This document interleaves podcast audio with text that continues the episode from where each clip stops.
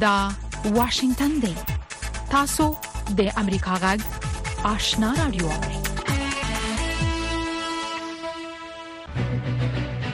قدرمن اوریدونکو السلام علیکم زه شافیا سردار یم دا د امریکا غږ آشنا رادیو خبرونه پیل شوه لومړی به خبرونه واوري السلام علیکم درنو ریدونکو ستړي مشي زه زیبا خادم یم دا د امریکا غږ آشنا رادیو خبرونه ده د نړۍ د دې ساعت خبرونو ته ساسې پام را اړوم د افغانستان د سولې په چارو کې د امریکا د متحده ایالاتو په خوانی استاذي زلمی خلیلزاد ویلي دی چې د طالبانو او د پاکستان د حکومت ترمنځ د دهشتګرو ډلو په مسلې کړکېچ د دوه د موافقې لمخې نشي اوریدلی. زلمی خلیلزاد چې د دوه زره او شلم کال د فبرورۍ په میاشت کې د طالبانو سره د امریکا د متحده ایالاتو د سولې موافقه لاسلیک کړې، د ډسمبر په څوارلس مه د ایکس په ټولنیزه شبکه کې لیکلي دي چې مخامخ جګړې په شمول د وضعیت د لا خرابیدو د مخنیوي لپاره پکار دي چې اسلام اباد او کابل د یو داسې توافق په سر خبرې وکړي چې ضمانتونه او د پلي کیدو میکانیزم برابر کړي. ښاغلي خلیلزاد د پاکستان نه د سلګونو زرو افغان مهاجرو د شړلو پالیسي د دې ملک جابرانه پالیسي ګڼلې ده د ملګرو ملتونو د بشري مرستو د هماهنګۍ دفتر او چا ویل دي چې د مرستو رسولو ادارو د 2023م کال د جنوري د میاشتې نه د اکتوبر تر میاشتې پورې 16.15 میلیون افغانانو ته د بیلابیلو پروګرامونو لارې بشري مرستې برابرې کړې دي 22.9 میلیون کسانو سره راسن مرسته شوې ده د اوچا د دې راپورټ له مخې یوویشت اعشاریه درې میلیونه افغانانو سره د خوړو او معیشت په برخه کې مرسته شوې، دیارلس اعشاریه اووه میلیونو افغانانو سره په صحي برخه کې مرسته شوې ده، اته اعشاریه څلور میلیونو ماشومانو، امیدوارو او تېل ورکوونکو میندو سره د تغذیې په برخه کې مرسته شوې، دوه اعشاریه څلور میلیونو کسانو سره د مصونیت، دوه میلیونو ماشومانو سره د زده کړو، پنځه سوه او نوي زره نورو کسانو سره د اضطراري سرپناه د برابرولو په برخو کې مرستې شوې دي د اوچا د راپورټ له مخې د منابعو د محدودیت له کبله 13 میلیونه کسانو ته مرستې ونه رسېدي د ملګرو ملتونو په یو راپورټ کې چې د دسمبر په 14مه خپور شوی ویل شوی دی چې طالبان خزي زندانونو ته استوي چې د جنسیت په اساس د تشدد او خشونت نه وساتل شي په دوه زره او یوویشتم کال کې په کابل کې د طالبانو د بیا واکمنېدو نه مخکې په افغانستان کې د ښځو د حفاظت لپاره درویشت شلټرونه یا سرپناوې وي چې اوس داسې یوه سرپناه هم په افغانستان کې نشته څرنګه چې په مخدره موادو معتاد کسان او یا بې کوره کسان د حفاظت په خاطر په زندانونو کې ساتل کیږي همدغه راز ښځې هم د حفاظت لپاره په زندانونو کې ساتل کیږي سیو د چلډرن په افغانستان کې د افغان ماشومانو د وضعیت په حق له په تازه راپور کې ویلي دي چې قریب 8 میلیونه ماشومان به په 2023م کال کې په افغانستان کې د لوګي د بحراني حالت سره مخ شي د لوګي د سارنې د نړیوال سیستم په حساب اټکل کیږي چې 15.8 میلیونه افغانان به د 2023م کال د مارچ د میاشتې نه مخکې د خوړو د سخت کمی سره مخ شي چې قریب نیمایي ماشومان دي د بخښنې نړیوال سازمان وایي چې د طالبانو د بند نه د خزو د بشري حقوقو مبارزې ندا پرونی او د هغې د خاوند د خوشی کېدو هرکلی کوي د سازمان په ایکس شبکې کې لیکلي دي چې د پرونی خوشی کېدل یو مثبت پرمختګ څرګندوي د راپورټونو لمخې ندا پرواني چې د روژې د میاشتې په پای کې د خپل خاوند او ماشوم سره په کابل کې نیول شوې و د چهارشنبه په ورځ په ضمانت خوشې شوه د بخښنې نړیوال سازمان یو ځل بیا د ښځو د حقوقو د مدافعانو پریسا ازادې، ژولیا پارسي او منیژې صدیقي د سمدستي خوشې کېدو غوښتنه کړې ده. په داسې حال کې چې د غزې د راتلونکې په هکله اټکلونه کېږي، د متحده ایالاتو د ملي امنیت سلاکار جک سالیوان د ډسمبر په پنځلس مه وویل، دا مناسبه نه ده چې اسراییل د اوږدې مودې لپاره غزه اشغال کړي. سولوان چې سیمه ته سفر کړی دی په تل ابیب کې خبريالانو ته وویل مونږ باور نه لرو چې دا اسرایل ته مناسب وي یا د اسرایل د لپاره خوي چې ډیره مده غزه بیا ونیسي هغه د اسرایل د لوړپوړو چارواکو سره د لیدو کتون وروسته ویل دي په نهایت کې د غزې کنټرول د غزې اداره او د غزې امنیت باید فلسطینیانو ته انتقال شي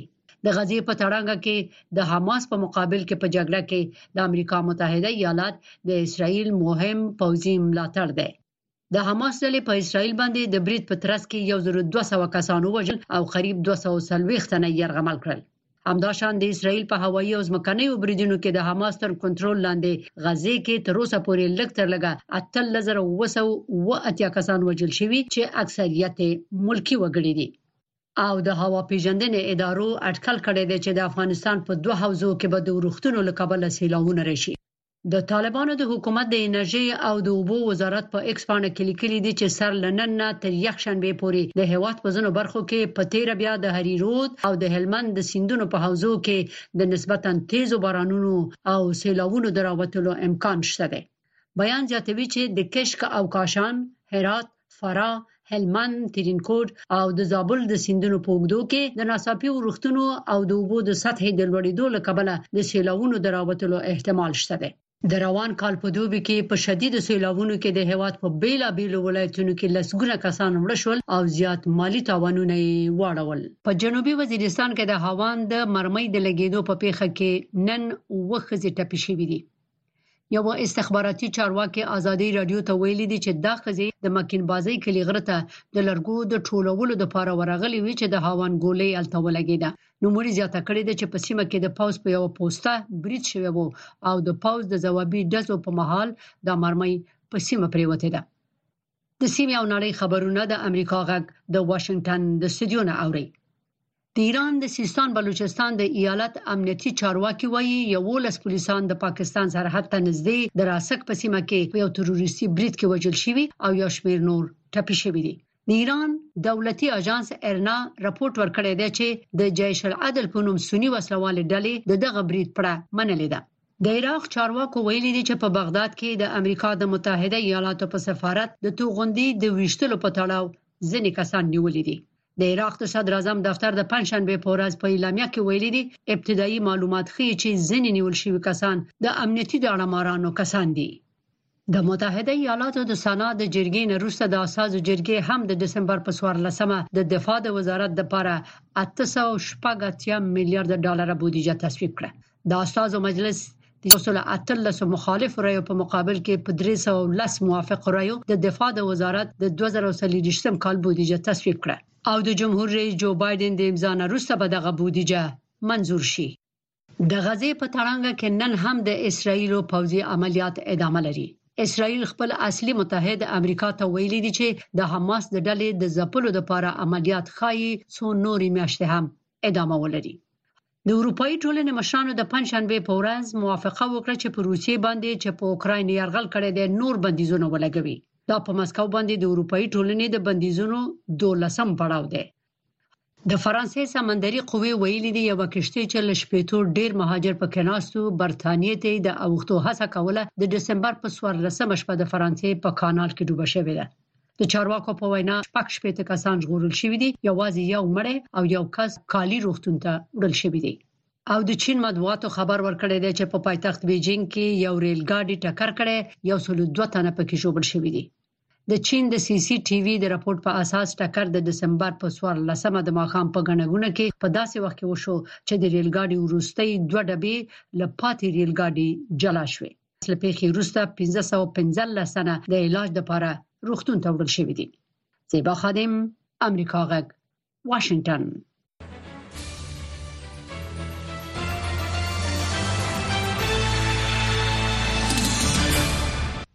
خبرونه مو د امریکا جغ آشنا رادیو څخه واوریدل قدرمن اوریدونکو زموږ په دې سهارنۍ پښتو خبرونه کې د افغانستان سیمه او نړۍ د راپورټونو ترڅنګ لومړی دا راپورټ لرو چې د افغانستان د سولې په چارو کې د امریکا د متحده ایالاتو په خوانی ځنګړي استاذي زلمي خلیلزاد ویلي چې د طالبانو او د پاکستان د حکومت ترمنځ د ترهګرو ډلو په مساله رامنځته شوی کړکیچ د دوحې هوکړه لیک له مخې مخامخ نشي هوارېدلی او پکار ده چې کابل او اسلام اباد په دې اړه خبرې سره وکړي د سیاسي چارو ځینې پاکستاني کارپوهان هم د دواړو خواو ترمنځ د ستونزو د هوارولو لپاره خبرې اړینې بولي نور حال زموږ د خبريال اکرام شنواری په دې رپورت کې ووري د افغانستان د سولې په چارو کې د امریکا د متحده ایالاتو په خواني ځنګړي استاذي زلمی خلیزاد ویلي چې د طالبانو د پاکستان د حکومت ترمنځ د ترهګرو ډلو په مسله رامنځته شوی کړکېچ د پراخېدو د مخنیوي لپاره دي دواړه خواوې سره خبرو ته کیږي ځکه چې د خغلی خلیزاد په وینا د دوه په هوکړه کې د ترهګرو ډلو لخوا افغانستان او پاکستان د خاورې د کارولو د مخنیوي په اړه په څرګند ډول وضاحت نشته زلمه خلیلزاد چې د 2020 کال د فبرवरी په میاشت کې د طالبانو سره د امریکا د متحده ایالاتو د سولې هوکړه لاسلیک کړې د پنځشنبه په ورځ د ایکس په ټولنیزه شبکه کې لیکلي چې پاکستان په طالبانو حکومت باندې د تحریک طالبان پاکستان د ملاتړ تور پوري کوي او د طالبانو حکومت بیا پر پاکستان باندې د اسلامي دولت د خراسان د سنگ دایښت د پناځینو د برابرولو تورونه لګي چې دواړو خو د تورونه رد کړی دي ښاغلي خلیلزاد ویلي چې د مخامخ جګړې په ګډون د وضعیت د لا کړکېچن کېدو مخنیوي لپاره په کار دي چې اسلام آباد او کابل یو داسې هوکړې لپاره سره خبرو ته کینی چې ضمانتونه او د پلي کېدو میکانیزم برابر کړي او دا به د پاکستان له خاورې او د افغانستان له خاورې د تحریک طالبان پاکستان او د داعش د ډلو په ګډون د هر ډلې او افرادو لخوا د کار اخیستو مخه ونیسي زلمی خلیلزاد ویلي چې د پاکستان له خاورې څخه د افغانستان خاورې ته او یا د افغانستان خاورې څخه د پاکستان خاورې ته د ترهګرو د کار اخیستو د ګواښونو په اړه د دوه په هوکړه لیک کې په څرګنده توګه سړي دی ویل شي او هغه مهال انګیرنه دا و چې دواړه هیوادونه به په دې مهمه مسله باندې یو بل سره خبرې کوي د پاکستاني رسنیو د راپور لمخې د خیبر پښتونخوا د ډیر اسماعیل خان په درابن سیمه کې د سې شنبه ورځ د پولیسو په مرکز د موټر بم برید کې درې پاکستاني عسكر وژل شوي او لزګونه نور ټپيان شوي پاکستان حکومت د ډیر اسماعیل خان د برید وروسته د طالبان حکومت څخه غوښتي چې د دې پیښې امیرین او د تحریک طالبان پاکستان مشران دي ونیسي او اسلام آباد ته دي وسپاري د طالبانو د حکومت ویاند ذبی الله مجید افغانستان سره دغه برید تړاو رد کړي او ویلي دي چې د پاکستان حکومت د دې برید په تړاو افغانستان ته شواهد برابر کړي پړاوي پلټني د طالبانو د حکومت د سرحدونو قبایل او قومونو د وزارت سرپرست ملا نور الله نوري د پنځشنبه په ورځ کابل کې وی غونډه ته په وینا کې ویل چې حکومت د هیڅ ګاونډي سره د اړیکو خرابول نه غواړي بلکې هڅه کوي چې د خپل ګاونډیانو سره سوداګریزي اړیکې لا پراخه کړي موږ د چا کور ته ناس نه ورغځو او نه مرغځولای ده موږ غواړو چې د ګاونډیانو سره حسنه روابط ولرو او راکړه ورکړه صادرات واردات تجارت معاملات ولرو موږ د دنیا والو له پانګونې څخه استفاده وکړو خپل ملک آباد کړو رشت ورکړو دا مو سیاست ده له ګاونډیانو سره همدغه مو سیاست ده له نورې نړۍ سره د نړۍ سره د اسلامي نظام یا د اسلامي حقوقو یا د اسلام د قوانینو په چوکاټ کې موږ رشت غواړو. موږ حسنه روابط غواړو موږ تعامل غواړو چی وی د خپل دین په چوکاټ کی ته دین تر حدودونو سوتای کم سر قاټیږي هم کم په یوه لحظه کی ټول نظام له خاورو سره خاوري کیږي موږ د الله تعالی جل جلاله دین ته عقیده لرو د الله تعالی جل جلاله پر احکامو مو سر ورکړی او سر ورکوو تر دې تیریدونکي نه یو په اسلام آباد کې د سیاسي چارواکو کارپوه او د خیبر تلویزیون خبریال حسن خان هم په دې باور دی چې طالبان او د پاکستان حکومت باید د ستونزو د هوارولو لپاره سره خبرې وکړي. د دې مسئلې حل هم په دې کې دی چې پاکستان د افغان طالبانو سره رابطې سېوا کړي، انګېجمنټ سېوا کړي او نړیواله ورورولي آل رډي په دې حوالې سره پاکستان هغه سنسټایز کړې ده خو نور هم چې یاره هغوی هم خاص کر چین شو، ایران شو، روس شو، تاجکستان شو، ازبکستان شو، ترکمانستان شو دا ملکونه هم سنسټایز کړي چې دوی هم په طالبانو باندې یو قسم له فشار راولي چې د دوی دا کومه رویه ده که افغانستان دغه شانتې د ګاونډي هېوادونو لپاره د خطرې سبب جوړېږي نو بیا مستقبل کې د طالبانو سره به چلند نور هم ګرانېږي. حسن خان د پاکستان د پوځ له خوا د افغانستان په دننه کې د تحریک طالبان پاکستان د ډلې پر خلاف د پوځي اقداماتو سره هم مخالفت کوي او وایي چې دا به د دواړو هېوادو ترمنځ ستونزې نورې هم زیاتې کړي. حسن خان وایي چې طالبان حکومت ته هم پکار دي چې دې مسئلې ته د یوې ستونزې په توګه وګوري او ورته د حل لارې د لټولو په لټه کې شي. انتظار پای ته ورسید ترنو لیدونکو او اوریدونکو تاسو کولی شئ د امریکا غا ټلویزیونی او رادیوي خبرونه د یاسات ساتلایت له طریقو وګورئ او واورئ د نوي ساتلایت لارې تاسو د آشنا اتصال او کاروان ټلویزیونی خبرونه کتلای هم شئ د امریکا غږ د افغانستان څنګه خبرونه په 398 چینل او د آشنا رادیوي خبرونه په 390 چینل کې اوریدلای شئ لملتيامو د تل پشان مننه د امریکا جغ آشنا رادیو څخه راپورټونه ته دوام ورکوه په افغانستان کې د ملګرو ملتونو سیاسي استازولۍ یو نامه په خپل تازه راپورټ کې لیکلي چې له زده کړو او کار څخه د افغان ښځو او نجونو محرومیت نه یوازې د دوی پر رواني روغتیا منفي اغیزه کړې، بلکې په کورنیو او ټولنه کې یې د دوی ونډه کمه کړې ده. یوناما وايي، د دوه زره درویشتم کال له جنوري څخه د روان کال تر نومبر میاشتې پورې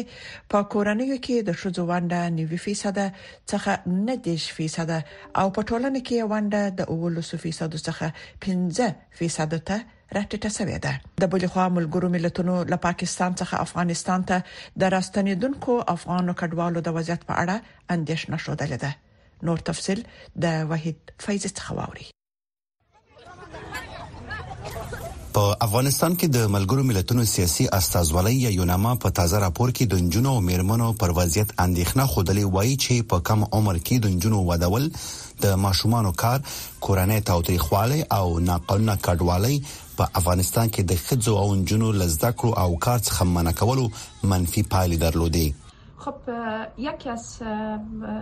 دلایل اساسی از اینکه روز به روز حضور خانما در شمای افغانستان کاهش پیدا میکنه سرکوب وحشیانه گروه تروریستی طالب هست شما همتان شاهد هستین ابتدای که طالب آمد چقدر زنان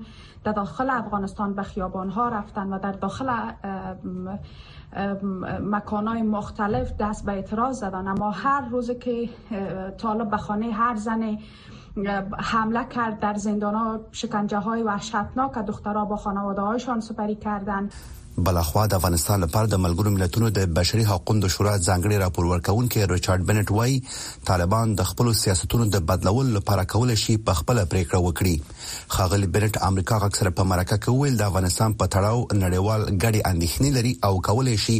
د مېرمنو په اړه د طالبانو د سیاستونو د بدلولو لپاره پرې فشار راوړي. طالبان په خپله کولای شي د خپلو سیاستونو د بدلولو لپاره پرېکړه وکړي. موږ ورڅخه وغوښتل چې په دې اړه پرېکړه وکړي، ځکه د طالبانو ډېری اوسني سیاستونه د بشري حقونو او قوانینو څخه سرغړونه ده، نو دا هغوی پورې اړه لري چې خپل موقف بدل کړي. د ملګرو ملتونو د ښځو د چارو د ادارې په مشرۍ په افغانستان کې د جنسیت پر بنسټ د بشري مرستو امنیتي ګروپ له پاکستان څخه په جبري ډول د ستنېدونکو افغان کډوالو د وضعیت په اړه په تازه راپور کې ویلي چې د ژمي په رسېدو سره په سرحدي سیمو کې د سرپناه امکاناتو د کمښت له کبله د ستنېدونکو کډوالو وضعیت ډېر خراب دی. د ملګرو ملتونو راپور وایي پاکستان څخه د ستنو شویو اتیا سلنې ښځې اته څلوېښت سلنې ماشومان او دیارلس سلنې هغه ښځې دي چې د خپلو کورنیو سرپرستی ورتر غاړې ده دا کوم چې دوی افغانان له پاکستانه په زور باسي دا غیر انساني کار دی د بشري حقوقو په خلاف کار دی ملل متحد یو نڅیار او نور نړیوال ادارې دوی غوښتنه وکړه دا کار مکه خصوصا په افغانستان کې خلک له بحران سره مخامخ دي خلک له لوګي سره مخامخ دي په افغانستان کې څومره مشکلات دي په دې وخت کې پاکستان د نوو پکار چې په زور د مړي خلک وباسي په خوانه افغانان چې ایران او پاکستان نه راغلي او کوم مهاجرین چې راغلي راغلي به زه شو هغه اوس به به زه شو کمپو کې اوسېږي د روان کال د نومبر میاشتې لومړۍ نیټه راهیسې پاکستان د هغو افغان کډوالو پیسو لاس پورې کړی چې په وینای د اوسېدو قانوني اسناد نه لري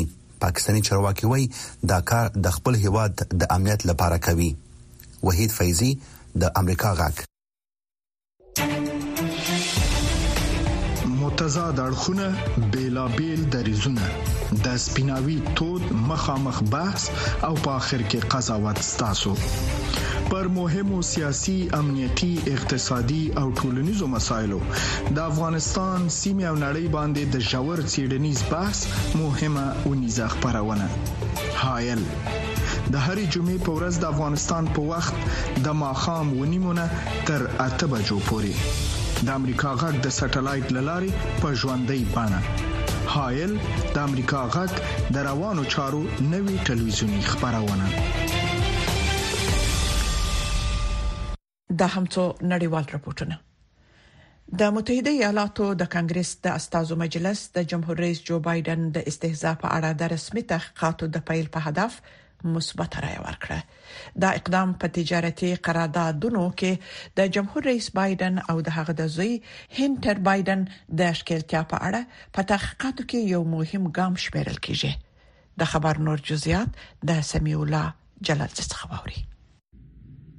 په سره سمندرګي کې پر امریکا د ایران لملاتړ څخه د برخمنو حوثي اورپکو تر برید څو ورځې وروسته د ایران د بهرنیو چارو وزیر د سه شنبه په ورځ په غزه کې د امریکا د پالیسۍ لامل واشنگټن ته خبرداري ورکړ د نه کنټرول او نه وړاندنې وړ چاودنه کې د شي هر وخت وشي دا هغه څه چې امریکایانو تر نن ورځې پورې ورته پام نه دی کړی او که ژر پام ورته ونه کړي، عواقب به یې پر امریکا سخت تاثیرات ولري. په کانګرس کې جمهور غوښتونکي قانون جوړونکي وايي، د بایډن د حکومت پالیسۍ د دې لامل شوې چې ایران زور زیاتی وکړي. ایران دا جرئت پیدا کړی چې له یمن څخه نیولي تر غزې او په ټول منځني ختیځ کې د خپلو ګټو لپاره خپل نفوذ وکاروي او یا هم د خپلو نیابتي ملاتړو په واسطه د امریکا پر نظامی مراکزو او جنګی بیړیو له عواقبو پرته مستقیما بریدونه کوي جمهور غوښتونکي د روان کال په پیل کې د بایدن د حکومت په هغه قرارداد نیوکه کوي چې د 15 برابر شویو په بدل کې د ایران شپږ میلیارډ ډالر آزاد شوي کله چې دا حکومت ایران ته پیسې آزادوي یا د بندیزونو عملی کول کموي نو دا د ایران د خلکو د اسرائیل د خلکو په وړاندې ترهګریز عملیات تمویلوي زه په نږدې ورځو کې د متحده ایالاتونو د اوسیدونکو په اړه هم اندېښمن یم د ایران د ترهګرۍ د نه تمویل طرح چې د هغه هیواد شپږ میلیارډ ډالر کنګل کوي د کانګرس د دواړو ګوندونو په ملاتړ تصویب شوه که خدای مه کړه د ایران حکومت د هغو برمته شویو له آزادیدو وروسته د یو امریکایی په برمته کولو قادر شي، موږ باید دغه امتیاز ورڅخه واخلو. دا یوه مشروع معامله نه ده کله چې امریکایان برمته کیږي. امریکایي قانون جوړونکو د سې شنبې په ورځ اچ آر سل بیا وړاندې کړ چې د یو دیموکرات سیکولر او غیر اټومي ایران څخه د امریکا د کانګرس ملاتړ څرګندوي سمیع الله جلالزای د امریکا غږ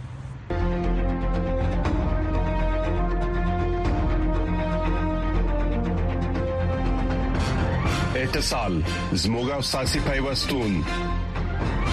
خبرونه چیرنی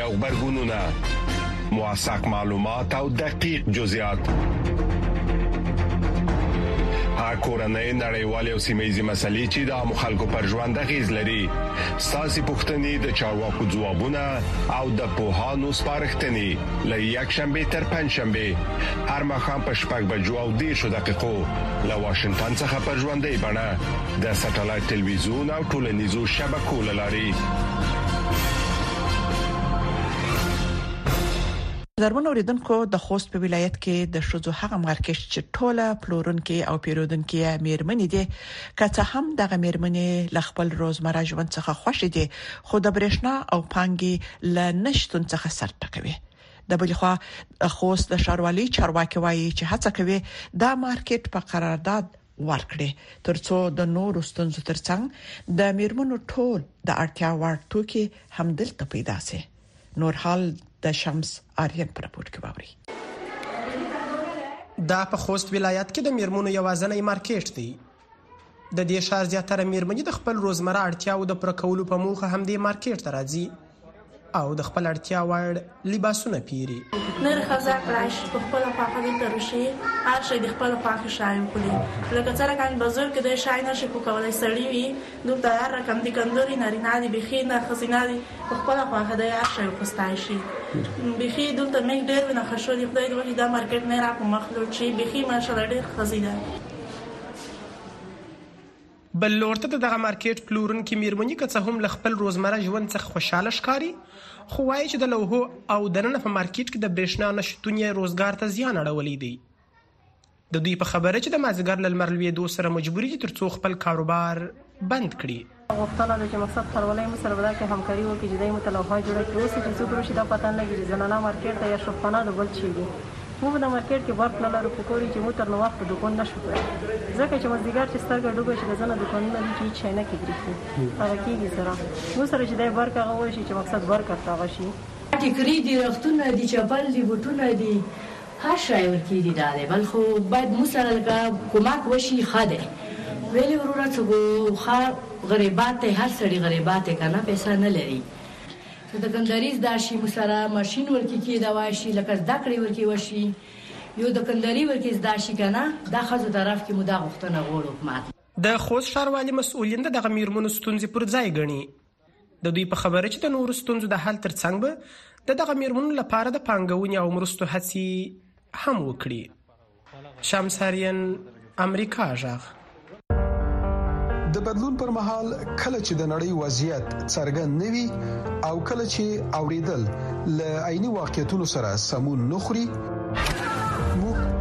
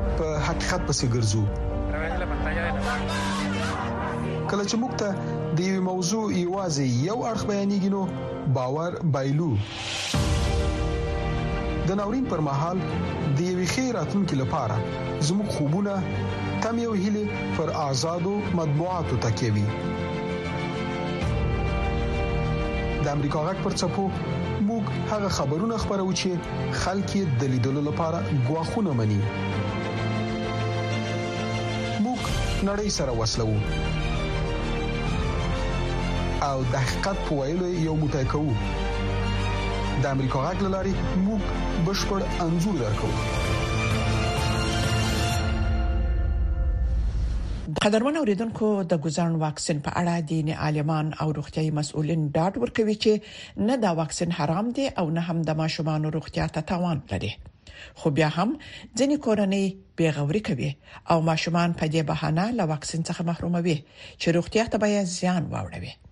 روغتيایي مسولین وايي هیڅ کله داسې نه ده او واکسین د ماشومان صحت ته ګټه لري نور حال د نقیب الله نیکمل پر رپورت کې ووري دینی عالمان او یو شمیر نور هغه کسان چې د ګزند ضد واکسین په برخه کې همکاري کوي وایي لا هم یو شمیر کسان د دې واکسین په اړه لازم معلومات نه لري او له همدې امله جدي نه بولي چې ماشومان یې واکسین شي ځینې لا هم دا واکسین حرام بولي او باور کوي چې د کوچنیانو روغتیا ته یې تاوان رسوي مولوي حبیب الله سعید د فرا یو تن دیني عالم امریکا ژغ ته وویل چې لا هم په افغان ټولنه کې یو شمیر کسان د ګزند ضد واکسین په تړاو د کره معلوماتو له کمښت سره مخ دي دا چې بعضې خلک د واکسین په هکله داسې فکر لري چې دا واکسین حرام دی یا ماشوم ته تاوان او زیان رسوي دا ناسم فکر دی. واکسین د کوچني لپاره د ماشوم لپاره تاوان نه بلکې ګټې لري علالخصوص دغه د پولیو واکسین دا د کوچني لپاره د پولیو یا د فلج مخنیوی کوي په آینده کې د او نور امراض چې کوم کوچني ته متوجه دي هغه مخ نه مخي د دغه واکسین په سبب باندي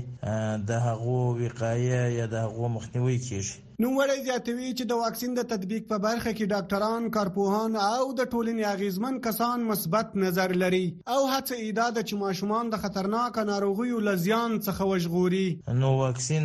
ښه شی دی او بیا په تیره په اوس وخت کې په اوسني حالت کې او زموږ ډاکټران، او هغه انجنیران هغه پو کارپوهان د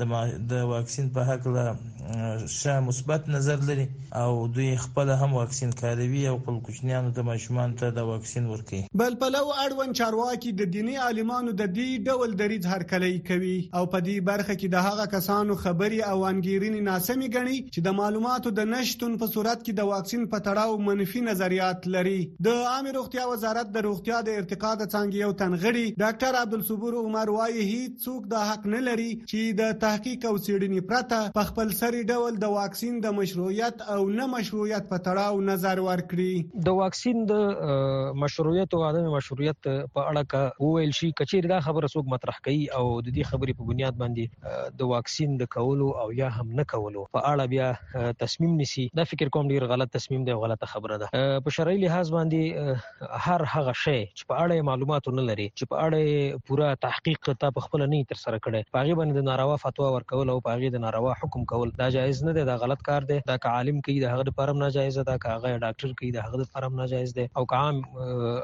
انسان کوي چې هغه علم نه لري یا دیني علم یا دغه د طب علم نو هغه لپاره دا جایز نه ده. بار بار دیني عالمانو او روغتیايي مسؤلینو ډاډ ورکړی چې واکسین حرام نه دی او د ماشومانو روغتیا ته هیڅ ډول زیان نه پیښوي خو بیا هم دا ستونزه تکراریږي او د ګزن دوه څاڅکي واکسین چې د ماشومانو ژوند ژغوري تری محروم کیږي.